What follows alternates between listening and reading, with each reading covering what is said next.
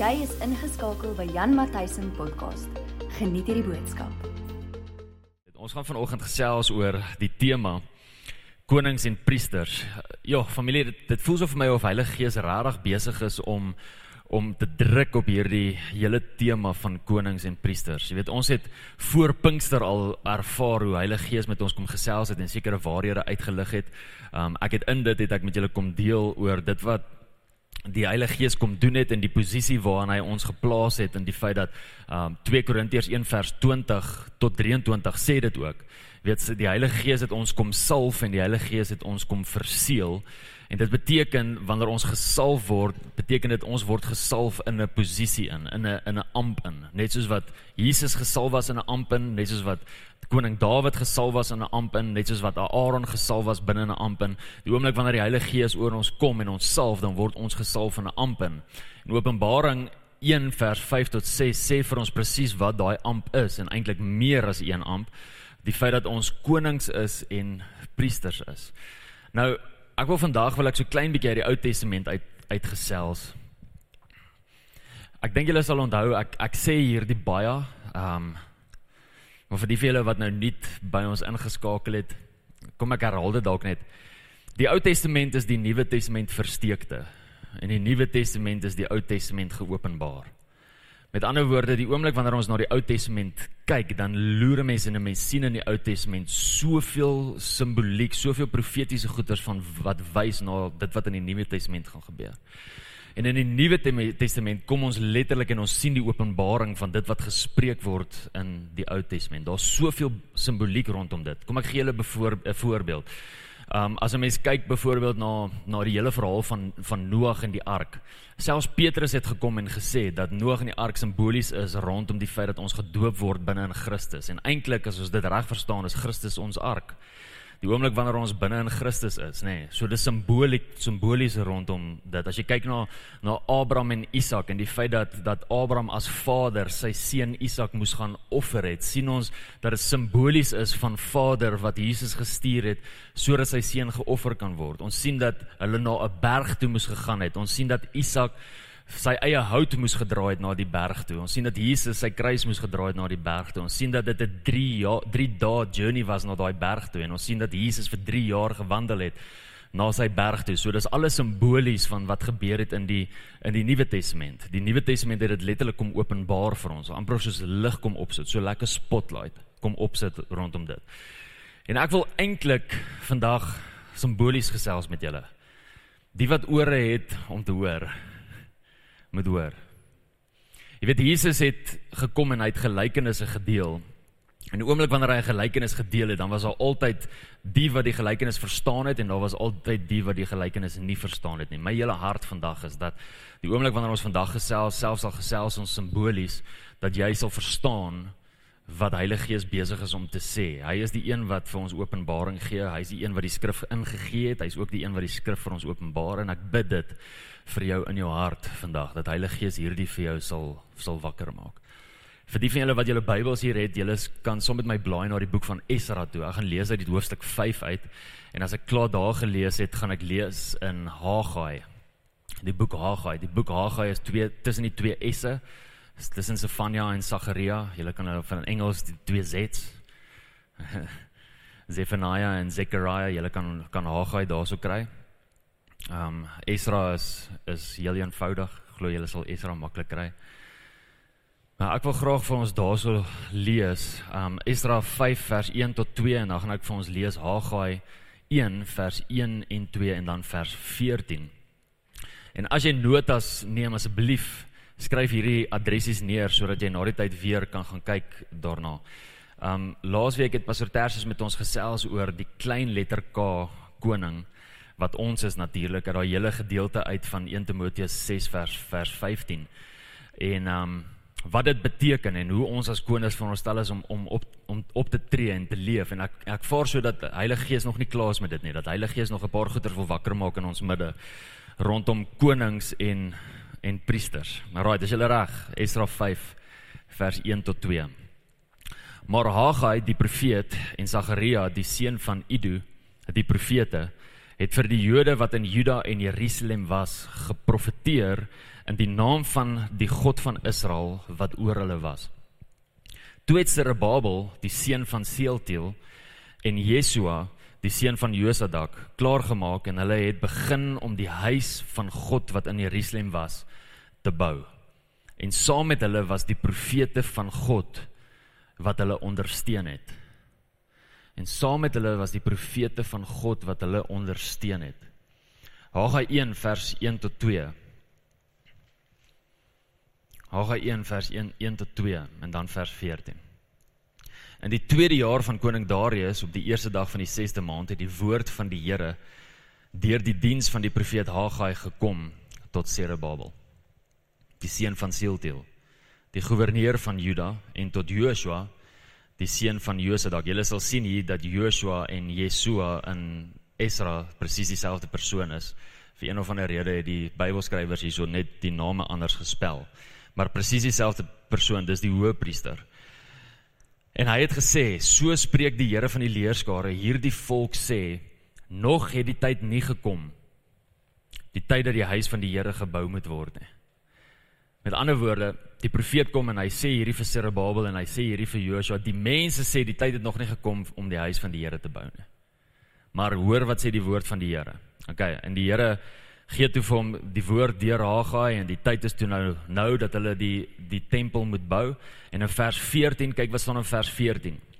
Daar staan en die Here het die gees van Zerubbabel, die seun van Sealtiel, die goewerneur van Juda en die gees van Joshua, die seun van Josadak, die hoëpriester en die gees van die hele oorblyfsel van die volk opgewek. En toe het hulle gekom en die werk begin aan die huis van die Here van die leerskare, hulle God. Goed. Dalk net gou tot inleiding of dalk bietjie meer agtergrond. In 2 Konings 25 sien ons dat daar iets gebeur. Ons sien dat die koning van Babelonie inkom en Israel gevange neem, Nebukadneser.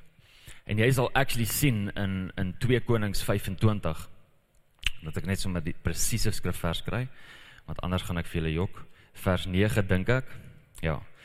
2 Konings 25 vers 9 sien ons dat Nebukadneser die huis van die Here verbrand. En al die ander huise daar en die huis van die koning verbrand. OK? So hulle hy verbrand letterlik die tempel, hy verbrand letterlik die huis van die Here, hy verbrand die paleis, die plek waar die koning bly en hy vat al die hele volk en hy vat hulle in ballingskap in en hulle trek saam Babelonie toe. En wat hier gebeur is, die hele weet die hele verhaal van Daniël en daai gedeelte waar Daniël sien maar die woord wat Jeremia geprofeteer het is naby om in vervulling te kom en hy gaan in 'n 21 dae vas in en hy vertrou die Here vir deurbraak rondom die woord wat gespreek was omdat daar staan in die woord dat na 70 jaar Israel gaan terugkom. Onthou julle daai so klein bietjie. Nou dit het toe nou in vervulling gekom want wat toe nou gebeur is koning Kores in Engels Cyrus weet nie hoekom het hulle dit so vertaal nie. Maar koning Kores in Afrikaans stuur toe vir Zerubbabel en vir Joshua om die tempel van die Here te gaan te gaan bou. En terwyl hulle gestuur word om die tempel van die Here te gaan bou, kom die profete en die profete gee vir hierdie woord. So wat 'n tempel bou hulle? Die tempel wat letterlik afgebreek was. Nee. Dis die tempel wat hulle toe nou toe nou gaan gaan bou. Right, hier kom die hier kom die simboliek nou nou so klein bietjie in. So asseblief probeer by my by my bly. Eerstens wanneer ons kyk na Esra 5 en Haggai 1, dan sien ons 'n paar belangrike beginsels. Die eerste beginsel wat ek wat ek vir julle wil uitwys is die volgende is dat 'n mens die profete en die woord van God nodig het om die huis van die Here te bou. Nou hoor my mooi. In die in die wêreld op die oomblik is daar volgens baie mense 'n sagte prentjie van profete. En ek sien hoe die vyand kom en profete kom diskrediteer of wat is die Afrikaanse woord vir dit? Hulle hulle kom probeer hulle letterlik afbreek Hulle probeer dat jy in hulle twyfel, probeer dat jy nie glo nie en hulle probeer dat die, elke woord wat jy wat uit hulle mond uitkom regtig al twyfel in jou hart is. Dis letterlik wat die vyand probeer doen op hierdie oomblik. En ek sien hoe daar mense is en selfs kerkleiers is wat opstaan en sê dat die profeet nie meer vir vandag is nie. Dis die, een van die grootste leuns wat die vyand wil hê die kerk moet glo vandag. Die kerk het die profeet nodig. Die kerk het die profeet nodig om die huis van die Here te kan bou. En in hierdie hele prentjie sien ons iets ongeloofliks. Ons sien dat Zerubbabel en Joshua, Zerubbabel hier staan dit is dit is hy die goewerneur, maar eintlik na regtens is Zerubbabel veronderstel om die koning te wees.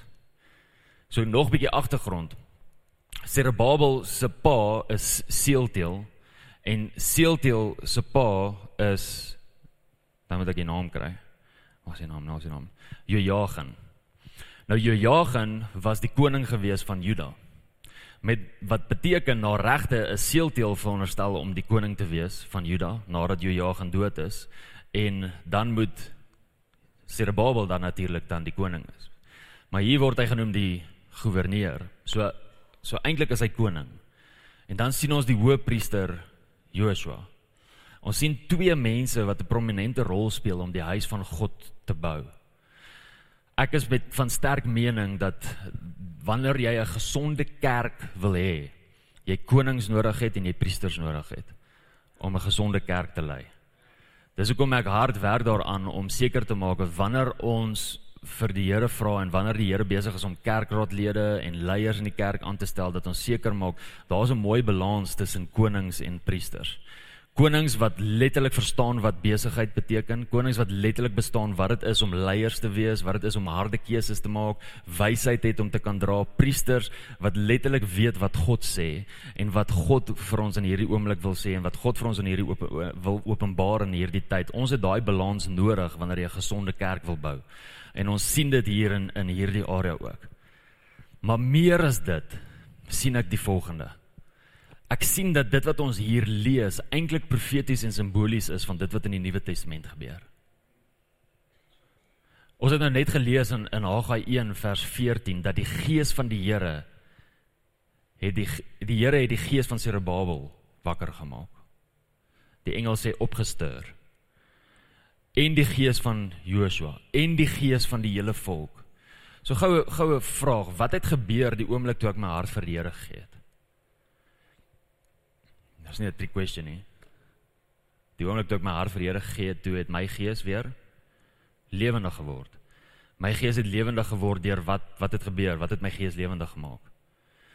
Die gees van God het my gees weer kom lewendig maak want die Heilige Gees het nou in my kom woon. Romeine 8 vers 16, hè.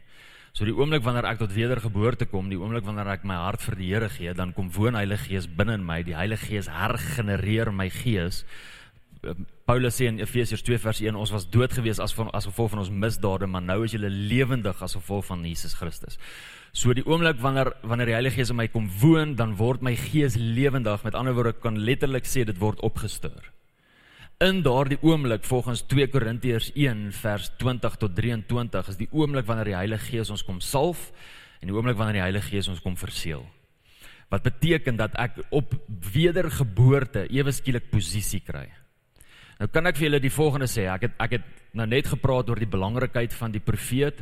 En aan die ander kant van die kerk sien 'n mens dat baie kerke um groot klem plaas op die apostel en die profeet. En daar 'n amper 'n tipe van 'n toutrekkery is rondom wie's die beste en eintlik is die apostel die beste en eintlik is die profeet die beste. Kan ek net vir julle die volgende sê, daar's geen groter rang in die koninkryk van God as seun van God nie seun van God is die hoogste rang wat jy kan kry in die koninkryk van God. So vergeet van is jy nou 'n apostel of is jy nou 'n profeet of is jy nou 'n diensknegt, maak nie saak wat jy is en jy is 'n kind van God. Dit beteken jy het koningskap, dit beteken jy is royalty. Jy het posisie binne in die Here. OK?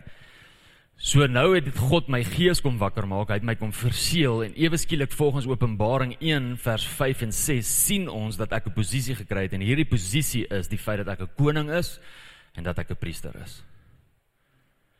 En sien julle die volgende? In Haag in Esra 5 en in Haggai word die koning en die priester geroep om huis te bou. Familie, ons het ons het verantwoordelikheid as konings en priesters om drie huise te bou. Of drie plekke te bou. Eerstens, God se koninkryk te bou. Ons het ons het verantwoordelikheid om God se koninkryk te bou. Gaan lees Matteus 6 vers 33. Gaan lees wat staan in Matteus 10 vers 7. Ons het verantwoordelikheid daarvoor om God se koninkryk te bou. Ons werk nou saam met hom. In die Ou Testament, julle weet hoe dit gewerk, nee, die oomblik wanneer 'n koning 'n ander nasie verslaan, dan het daai koning onder die koning wat wat gewen het geheers het, hy kom onder daai koning se heerskappy in. Wat beteken dat hy as koning, klein koning, nou volgens hierdie ander koning moet optree. Hy kom onder sy koninkryksisteem in, hy begin werk soos wat sy koninkryk werk, hy begin dink soos wat sy koninkryk dink. Oral waar daai koninkryk gaan en gaan heers, moet daai koning ook gaan om te gaan te gaan heers. Hy werk nou vir die ander koning. Dis 'n simbool van wat in die Nuwe Testament gebeur. Daar's 'n groter koning oor ons. Groot koning K, onthou julle wat Pastor Tersus laas van gepreek het? En klein koning K.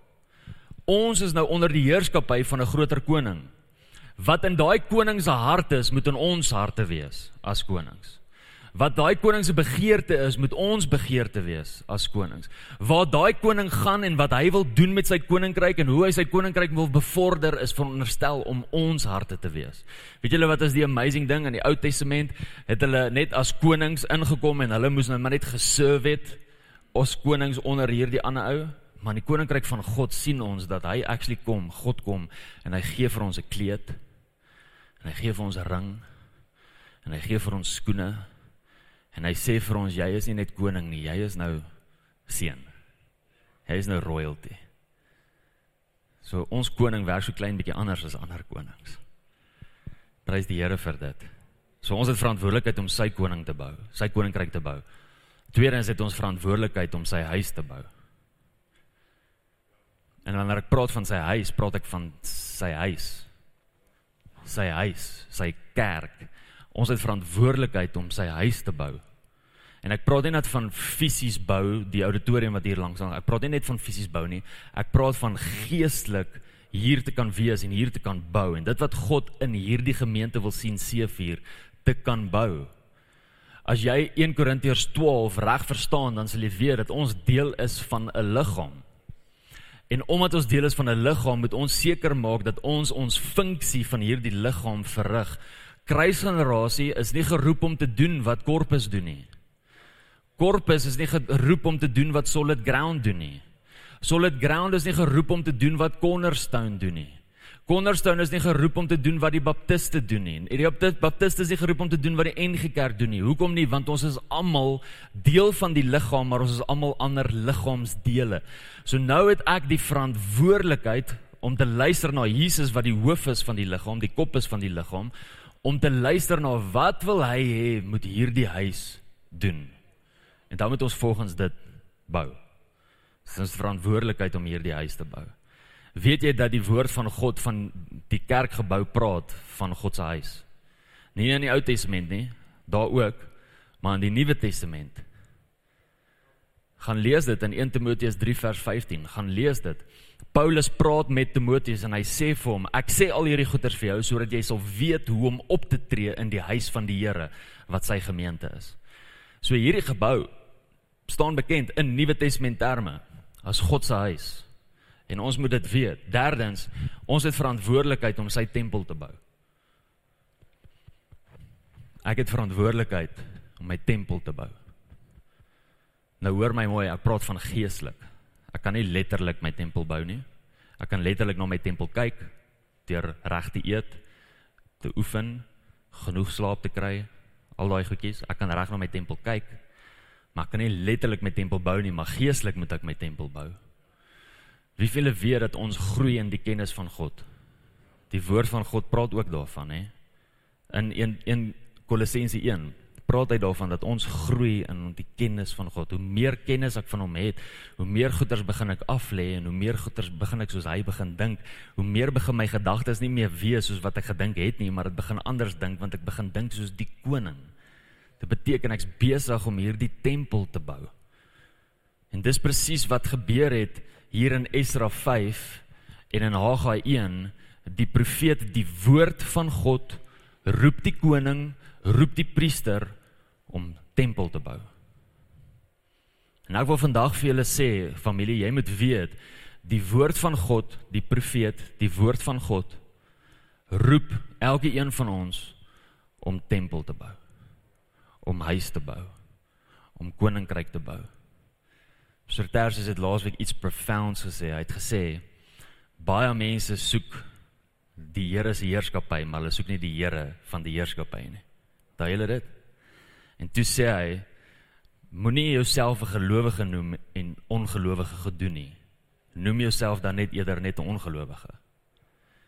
Weet julle wat is die probleem wat ek sien in die kerk? Is ek sien dat die Heilige Gees gekom het en ons gesalf het as priesters en as konings, maar dat niemand van ons lyk soos priesters en konings nie. Niemand is dalk 'n sterk woord. Min lyk soos priesters en konings. Want God se woord roep ons om sekere goeders te doen en wie van julle weet, onthou nou die volgende. 'n Koning wat oorwin is en onder 'n ander koning is, het nie meer die reg om sy eie koninkryk na te jaag nie. Ek praat simbolies nou, jy moet by my bly. Jy het nie meer die reg om jou eie koninkryk na te jaag nie. Jy is nou onder 'n ander koning. So jy met jou eie begeertes najaag om sy begeertes na te jaag. Weet jy dat sy begeertes in elk geval beter is as jou begeertes? Maar hier is die probleem. Ons hou te veel van ons eie begeertes. En ons sien in vandag se tyd. Nou luister, ek is nie hier om te praat vir die wêreld nie. Die wêreld kan praat vir homself, maar ek is hier om te praat namens God se koninkryk en vir sy huis. Daar sekere goeders wat ons as konings en priesters in God se huis en in God se huis en in God se koninkryk probeer toelaat wat nie bedoel is om daar te wees nie. Jy kan nie ander koninkryksbeginsels in God se koninkryk inbring en verwag dat dit gaan werk nie. Dit gaan nie werk nie. Jy kan nie jou eie koninkryks mindsets inbring onder die groot koning se koninkryk mindset en dink hy moet by jou aanpas nie. Dis nie hoe dit werk nie. So daar's sekere goed wat ons moet neerlê. Ek sien hoe dit in die kerke oukei okay is om sekere sondes toe te laat. Die wêreld laat dit toe, so ons moet dit seker ook toelaat. Ek sien hoe hierdie goeters inslyp in die kerke in en hoe die kerke besig is om oukei okay te wees. Nou hoor my, ek kan nie praat vir die wêreld nie. Onthou nou as jy in jou sondige natuur is, gaan jy volgens jou sondige natuur optree. Jy kan nie iemand judge as hulle optree volgens hoe hulle is nie. Hulle gaan nie hulle gaan nie anders dink nie, dis hulle natuur. Raai wat, jy het 'n nuwe natuur. 2 Korintiërs 5 vers 17, jy's 'n nuwe skepsel, jy het 'n nuwe natuur.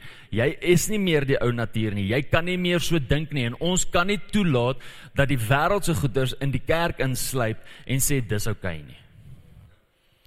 Nee, dis oukei. Okay. Die wêreld doen dit, maar nou, jy weet, ons ons as kerk kan hulle nie judge nie en En daai mense kom nou in die kerk in, jy weet, en wat ons kan hulle nie judge nie. Luister mooi. Ons judge niemand wat in die kerk inkom nie. Maar ons roep die hele tyd mense hoor. Die hele tyd. Dis oukei okay as jy kom met hierdie probleem of daardie probleem. Dis oukei okay as jy kom soos wat jy is. Maar dis nie oukei okay as jy loop soos wat jy is nie. Dis nie oukei okay as jy hier uitstap soos wat jy is nie. Die oomblik wanneer ons 'n ontmoeting het met die koning van die konings, dan is ons anders. Ek word anders. Jy word letterlik iets nuuts. Ons weet julle wat is iets nuuts? Iets nuuts beteken niks van die ouds is vas aan dit nie. Anders is dit nie nuut nie.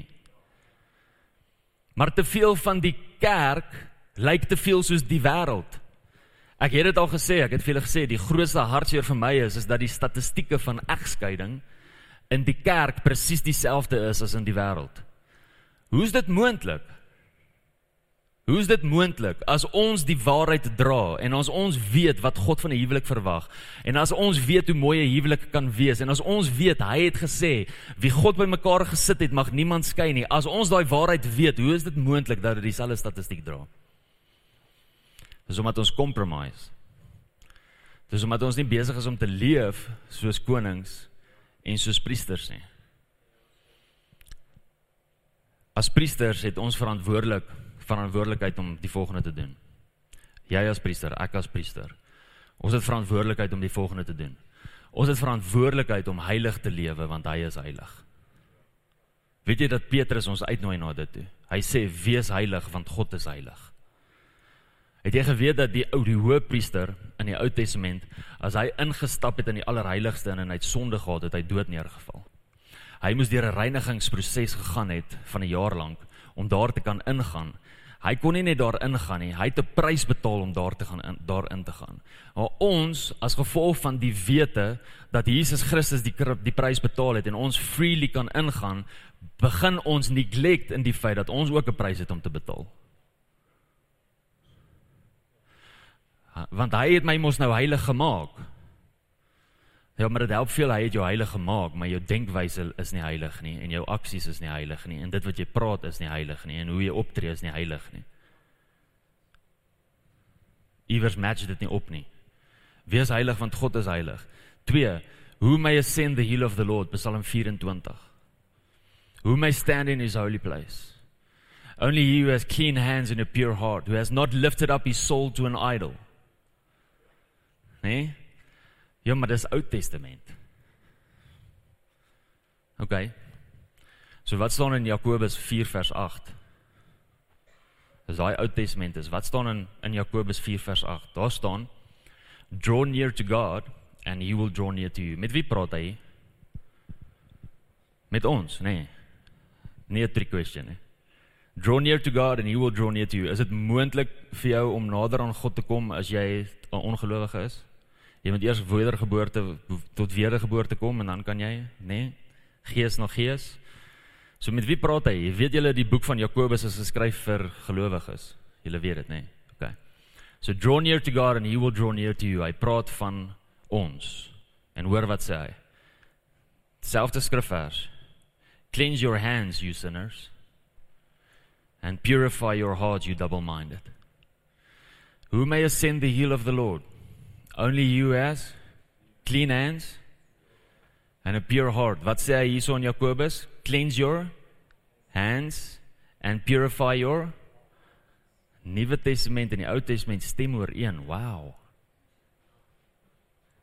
Sjoe. As weet julle wat? Jou hande praat van dit waarmee jy besig is. Baie van ons noem onsself konings, ons noem onsself priesters, ons noem onsself kinders van God, maar dit waarmee ons besig is, praat nie van God se koninkryk nie. Dit waarmee ons besig is met ons hande, spreek nie van die feit dat daar 'n koning oor ons is nie. Ons het verantwoordelikheid om ons hande skoon te hou. Die Engelse mense sê you can't, can't put your hand into the cookie jar. Jy moet nie gevang word met jou hand in die cookie jar nie, nee maar ongelowiges, ons as gelowiges, ons word gevang. Ons is besig met verkeerde goed. Dan punt 4. Reinig jouself. Ons as priesters het verantwoordelikheid om onsself te reinig. Nee, maar Jesus se bloed het ons dan klaar gereinig. Jy het die verantwoordelikheid kind van die Here, priester. Jy het die verantwoordelikheid om jouself te reinig. Die woord van die Here verwag dit van jou. God verwag dit van jou. Jy weet, Jesus se bloed was my skoon. Maar wie van julle weet, my stand is nou reg by hom. Maar my gedagtes is nog nie reg nie. Ek lyk dalk soos Jesus omdat ek gewas is deur sy bloed, maar my gedagtes lyk nog nie soos Jesus nie. En omdat my gedagtes nog nie so lyk nie, klink my woorde nie so nie en lyk my dade nie so nie. En nou kom Paulus in 2 Korintiërs 7 vers 1 en hy sê die volgende, hoor wat sê hy? Therefore, having these promises, beloved, let us cleanse ourselves from all filthiness of the flesh and spirit, perfecting holiness in the fear of God. Die woord van God verwag van ons om onsself te reinig, te weerhou van sekerde goed. Jesus, maar ons het goed geword om onsself te regverdig, né? Hm. Ons het baie goed geword om onsself te regverdig. Familie, jy moet weet, jy's 'n koninklike priesterdom. 1 Petrus 2 vers 9 sê dit. Ons is 'n koninklike priesterdom. Weet jy dat jy bekleë is met Jesus Christus? Moenie bekleë wees met Jesus Christus en hom elke dag uittrek sodat jy kan doen wat jy wil doen nie.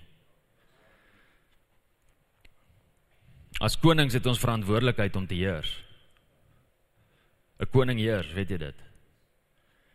Weet jy dat die woord so sê in Romeine 5 vers 17, verwag hy van ons as konings om te heers in hierdie lewe.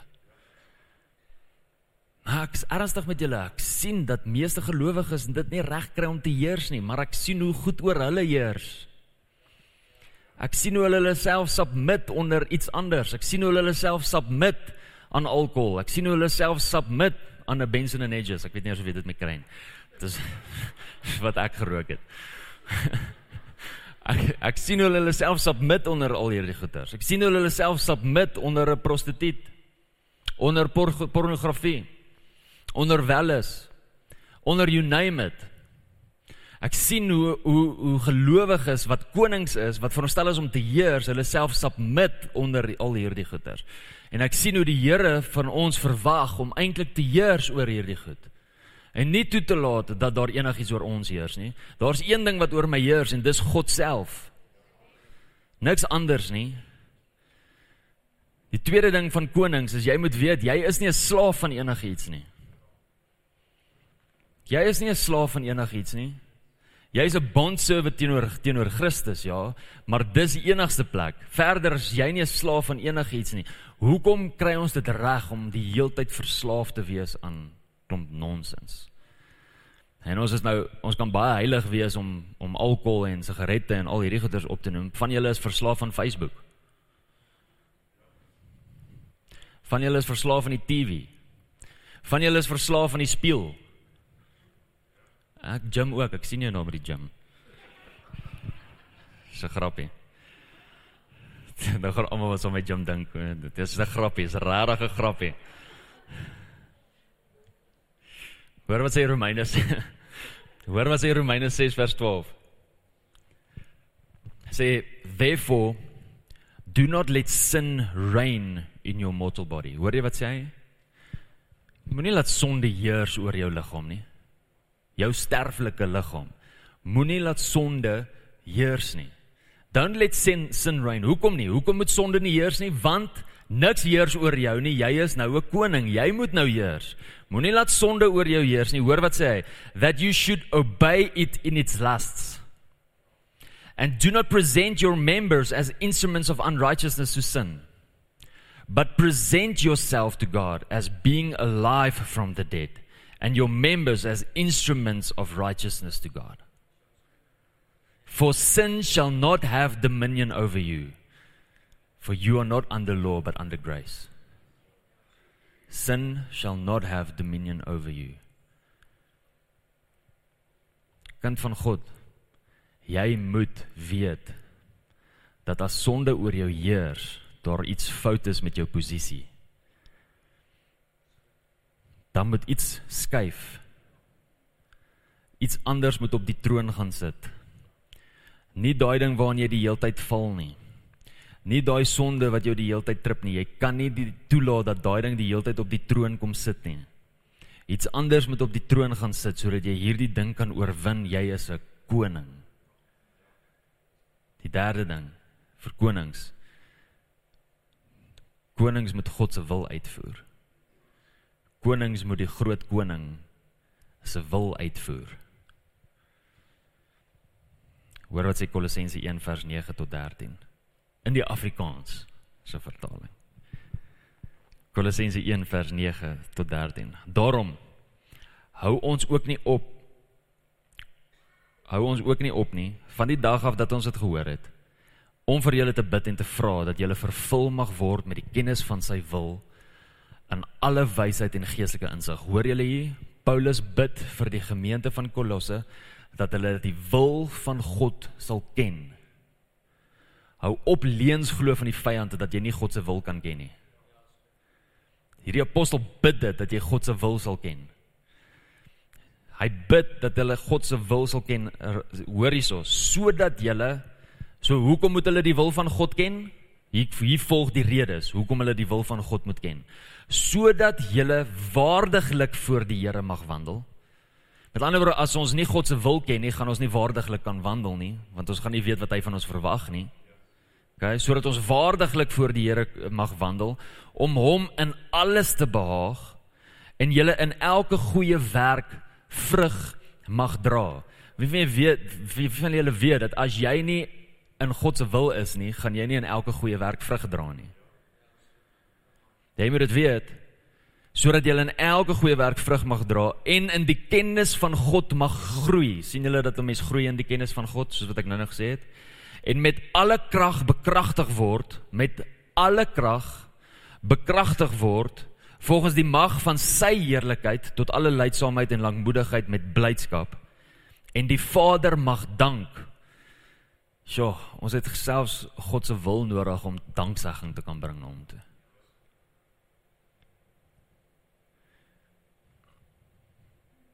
Vader mag dank wat ons bekwam gemaak het om deel te te hê aan die erfdeel van die heiliges in die lig. Hoor wat sê hy?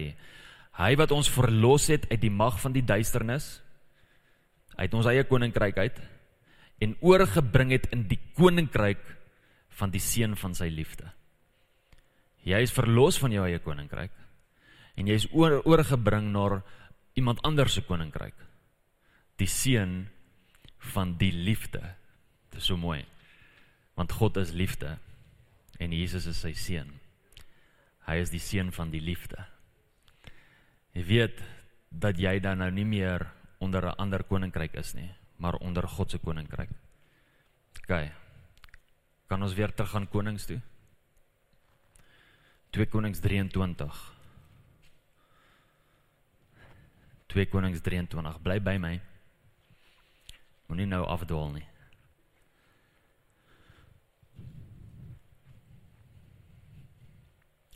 Hy vat 'n koning oor. 'n Jong koning met die naam van Josia. Op 8 jaar oud word hy koning. Maar hierdie ouetjie doen iets reg. Koning Josia. Hoor wat doen hy in 2 Konings 23 van ons lees van vers 1 tot 5. Toe het die koning gestuur en hulle het die oudstes van Juda en Jerusalem by hom versamel. En die koning het opgegaan in die huis van die Here en al die manne van Juda en al die inwoners van Jerusalem saam met hom. En die priesters en die profete en die hele volk, klein en groot. So hier's weer 'n koning, hier's weer priesters, hier's weer profete. En die hele volk is daar. En hy het al die woorde van die verbondsboek wat in die huis van die Here gevind is, voor hulle ore gelees. Hy hy lees al die woorde. Wow. Dit kon 'n rukkie gevat het. Vers 3 en die koning het op die verhoog gaan staan en die verbond voor die aangesig van die Here gesluit om die Here te volg en sy gebooie en sy getuienisse en sy insettinge met die hele hart en met die hele siel te onderhou om die woorde van hierdie verbond wat in hierdie boek geskrywe is te bevestig en die hele volk het toegetree tot die verbond. Hoor julle? Wat doen die woord van God? Dit bring 'n kommitment. Die koning, die priesters en die profete commit om te onderhou wat die woord vir hulle sê en dit wat hulle lees. Weet jy dat jy nodig het om te commit teenoor dit wat hier sê en hier staan? Glo jy alles wat staan van Genesis 1 af tot en met Openbaring 22? Glo jy dat elke woord van God afkom? dat hierdie die woord van God is. Jy beter dit glo want as jy twyfel in dit kry, is jy op 'n gevaarlike plek. As jy hierin gaan twyfel, gaan jy twyfel aan elke woord wat God vir jou persoonlik ook sê. Hoe gaan jy dan sy wil ken? Vers 4. Hoor wat gebeur. Toe gee die koning die hoofpriester Hilkia en die priesters van die tweede rang en die drumpelwagters bevel om uit die tempel van die Here al die voorwerpe uit te bring wat gemaak is vir Baal en Asera en die hele leer van die emele, van die hemele. Hulle het sommer engelbeeltjies ook in die tempel geplaas. En hy het dit buitekant Jerusalem in die velde van Kidron verbrand en die as daarvan in Bethel laat dra. Vers 5. En hy het die afgodspriesters uitgeroei wat deur die konings van Juda aangestel was om die hoog, hoogtes in die stede van Juda en in die omgewing van Jerusalem rook te laat opgaan. En ook die wat verbaal vir die son en die maan en die sterrebeelde en die hele leer van die hemel offerrook laat opgaan het. So hier gebeur iets amazing. Hier staan 'n koning op op 'n jong ouderdom. Hierso het hy is hy al 'n bietjie koning, so hy's nie meer 8 jaar oud hier nie, maar hy's nog jonkie. Hy staan op en hy en hy doen die volgende. Hy verbind die hele volk met die woord van God. Onthou asseblief ek's besig om simbolies te praat, so luister, né? Nee?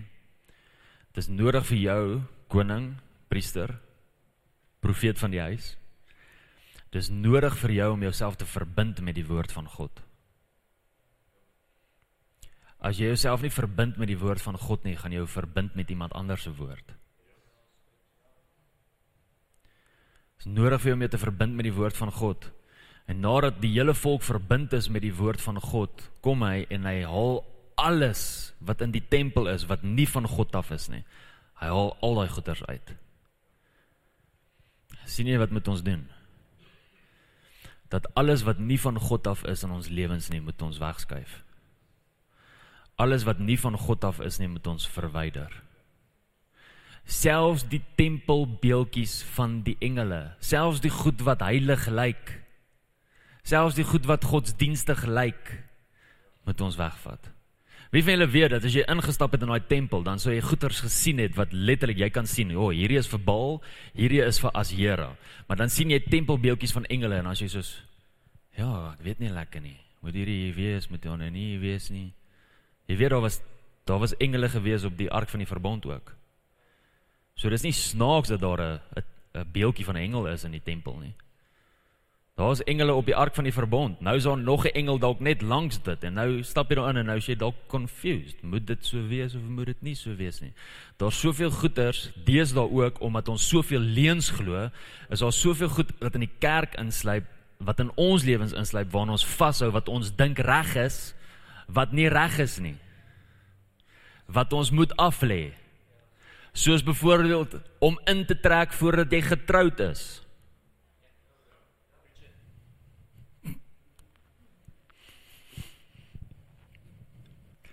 Dit is so belangrik om hierdie goeders neer te lê. En hoor dan, so dit gebeur in vers 4, lê hulle al hierdie goeders neer. In vers 5 maak hy die ander priesters dood. Wat doen hy? Hy hy hy's intentioneel rondom die goed wat inspraak het in sy lewe en hierdie ander afbeeld goedjies bring en hom blootstel gee aan hierdie ander goedjies om hulle te verwyder uit sy lewe uit. kind van die Here, dis belangrik vir jou om nie net jou lewe uit te sorteer en die goed wat nie van God af is te verwyder nie, maar ook die mense in jou lewe wat goeders na jou toe wil bring wat nie van God af is nie, ook te verwyder. For a believer and unbeliever cannot be yoked together. Dit beteken nie dat jy nie kan vriende wees nie. Dit beteken nie dat jy nie met hulle kan gesels oor die Here nie. Dit beteken nie dat jy moet wegbly van hulle af nie. Ons bly op dieselfde aardbol sien hoe sien hoe party Christene hierdie ding so letterlik opvat wat hulle soos hulle weier om met ongelowiges te meng. Dis nie wat Paulus sê nie. Hy sê jy moenie saam met hulle gejouk word nie. Wie van julle weet dat as jy gejouk is met iets dan beteken dit jy dra aan dieselfde ding. As jy gejouk is met hulle dan beteken dit jy dra aan dit wat hulle begeertes vervul. Jy dra aan dit wat vir hulle iets wat lekker is. En Paulus sê moenie jouself verbind aan hulle nie. Jy van julle het nodig om vir party vriende te sê sorry. Ek is jammer, maar ek ek doen nie meer hierdie nie want ek is 'n koning en 'n priester. Ek is onder iemand anders se heerskappy en hierdie koning se heerskappy verwag dat ek so moet optree. Ek kan nie meer hierdie doen nie. Ek wil nie meer hierdie doen nie. Ek het 'n begeerte om te doen wat my koning van my verwag, want ek het 'n ontmoeting gehad met my koning. Ek weet hoe lief hy vir my is. Ek weet wat hy oor my spreek. Ek weet wat hy van my verwag. Ek weet wat hy droom oor my lewe. Dit maak dat ek verlief word op hom. Dit maak dat ek my alles vir hom wil gee. Ek kan nie meer doen wat hierdie goeters vir my sê nie. Ek kan nie meer doen wat jy vir my sê ek moet doen nie. Ek wil doen wat hy vir my sê ek wil doen. Het jy al gesien hoe lyk hy? Het jy al gesien hoe mooi is sy woorde?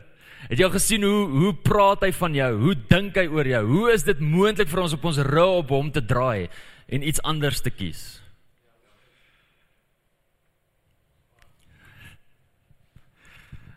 Het julle vertel van daai keer toe ek um, gaan golf speel het. Ek is 'n golfer. Ja. En die Here geniet dit dat ek golf speel wat 'n getuienis is op 'n ander dag, maar in geval. Ek gaan speel golf en ek speel in 'n toernooi. En die een ou wat saam met my speel, se meisie ry saam met hom op 'n karretjie. Nou ry ons. Iewers terwyl jy golf speel, praat jy altyd oor. So wat doen jy vir 'n lewe? En obviously ek is 'n pastoor. Jy weet ek werk vir die Here, lief vir die Here. En sy kyk my so, sy sê vir my, "Glo jy regtig aan hom?" Dis wat sy vir my vra. Dit. Julle wat sê ek vir? Ja, ek het vanoggend met hom gepraat. En hy het met my gepraat. Sy is so verbaas. Sy kan nie glo dat hierdie God waans hy nie glo nie, actually met my gepraat het. Was so amazing. Weet julle wat? Hierdie is nie veronderstel om net kopkennis te wees nie. Dit is veronderstel om hier te leef, om hier te bly. Dit is veronderstel om lewendig te wees hier binne in ons.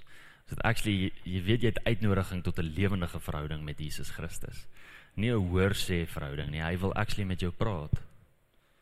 Hy wil met jou praat. Die grootste leuen wat jy kan glo is dat Jesus niks met jou te doen wil hê nie. Hy het alles in sy vermoë gedoen om alles met jou te doen wil hê. Hy het vir jou dood gegaan. Hy het vir jou gesterf. Hy het sy troon verlaat.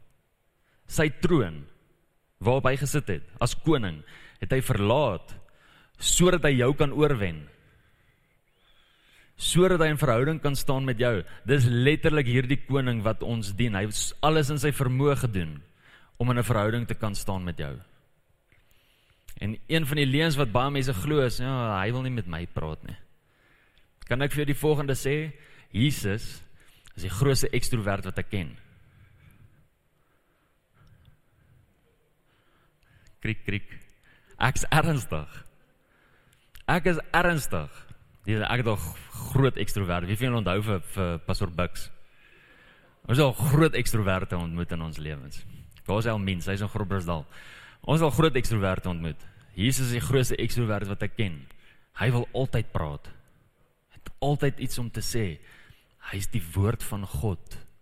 Hy kan nie stil bly nie. Dis teen sy natuur om stil te bly. Luister vir wat hy sê. Nog 'n leen is, is dat hy altyd sag praat. Het jy Openbaring gelees? Ek lees in een plek in Openbaring waar hy sag praat nie. Inteendeel is dit soos 'n so hard soos die klank van 'n bassein of soos 'n gedruis van duisende waters. Dis hoe dit klink die oomblik wanneer hy praat. Maar o, oh, pastore, ai, pastore. Pastore, pastore, pastore. Like dit om stories te vertel en daarop te hamer want dit is so goeie storie. Weet julle dat daar sekere preke wat ek nog nooit eers gepreek het nie, want dis net al te veel gepreek. Ek is dood ernstig oor dit. Soos die verhaal van Elia wat gaan sit in 'n grot. En en hoorie, hoorie, hoorie. En God kom na hom toe en sê vir hom gaan staan buite. Né? Nee? En hy gaan staan buite.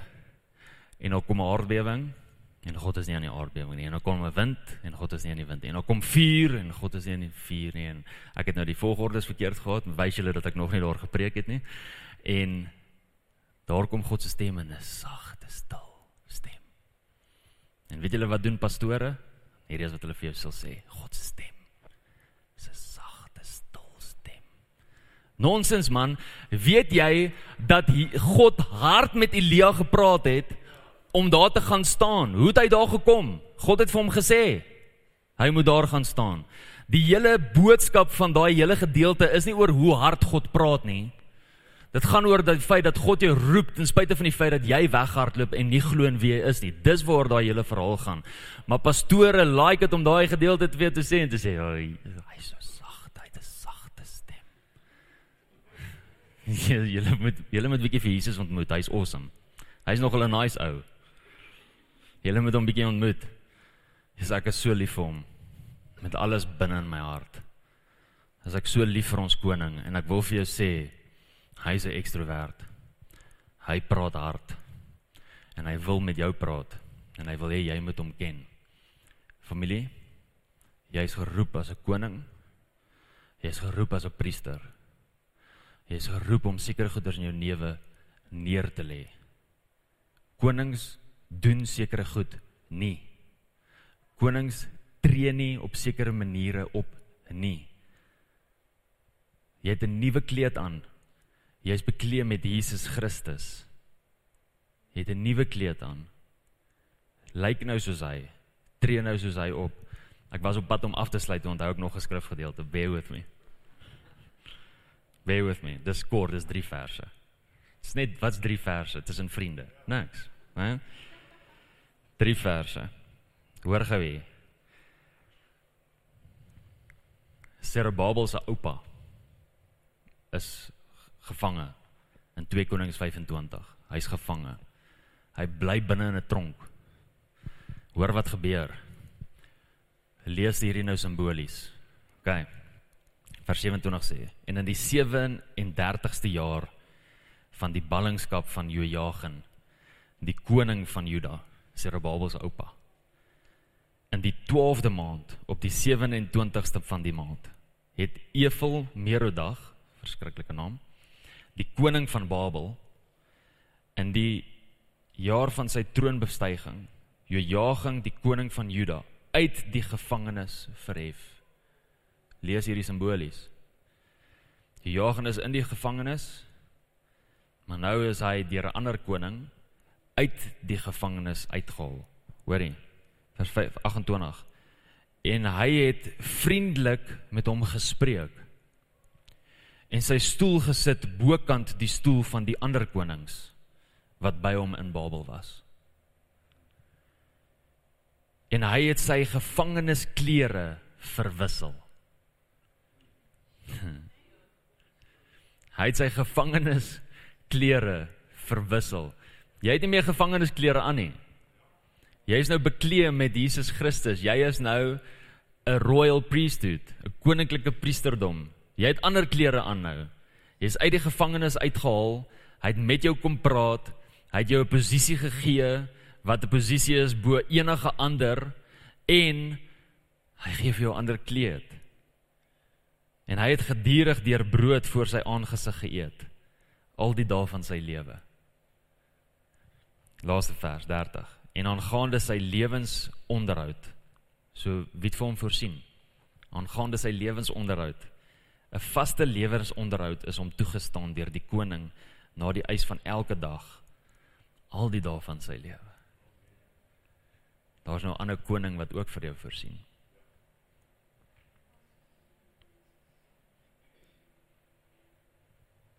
Ja, ek Ek hoop met alles binne in my vandag dat daar ore was om te hoor. Heilige Gees, ek bid dat U hierdie woord sal vasmaak in harte. Ek bid Here dat selfs die die die harte wat vandag nie verstaan het nie, die gemoede wat nie vandag verstaan het nie. Ek bid Heilige Gees dat U die naprediker sal wees, dat U hierdie sal wakker maak, sal kom inprint, sal kom deel maak van ons lewens. Want U roep ons hoor. Hier roep ons om konings te wees. Hier roep ons om priesters te wees binne in die koninkryk. Here, U U roep ons om om te kan staan soos wat geen ander staan nie. Om gelyk te kan wees.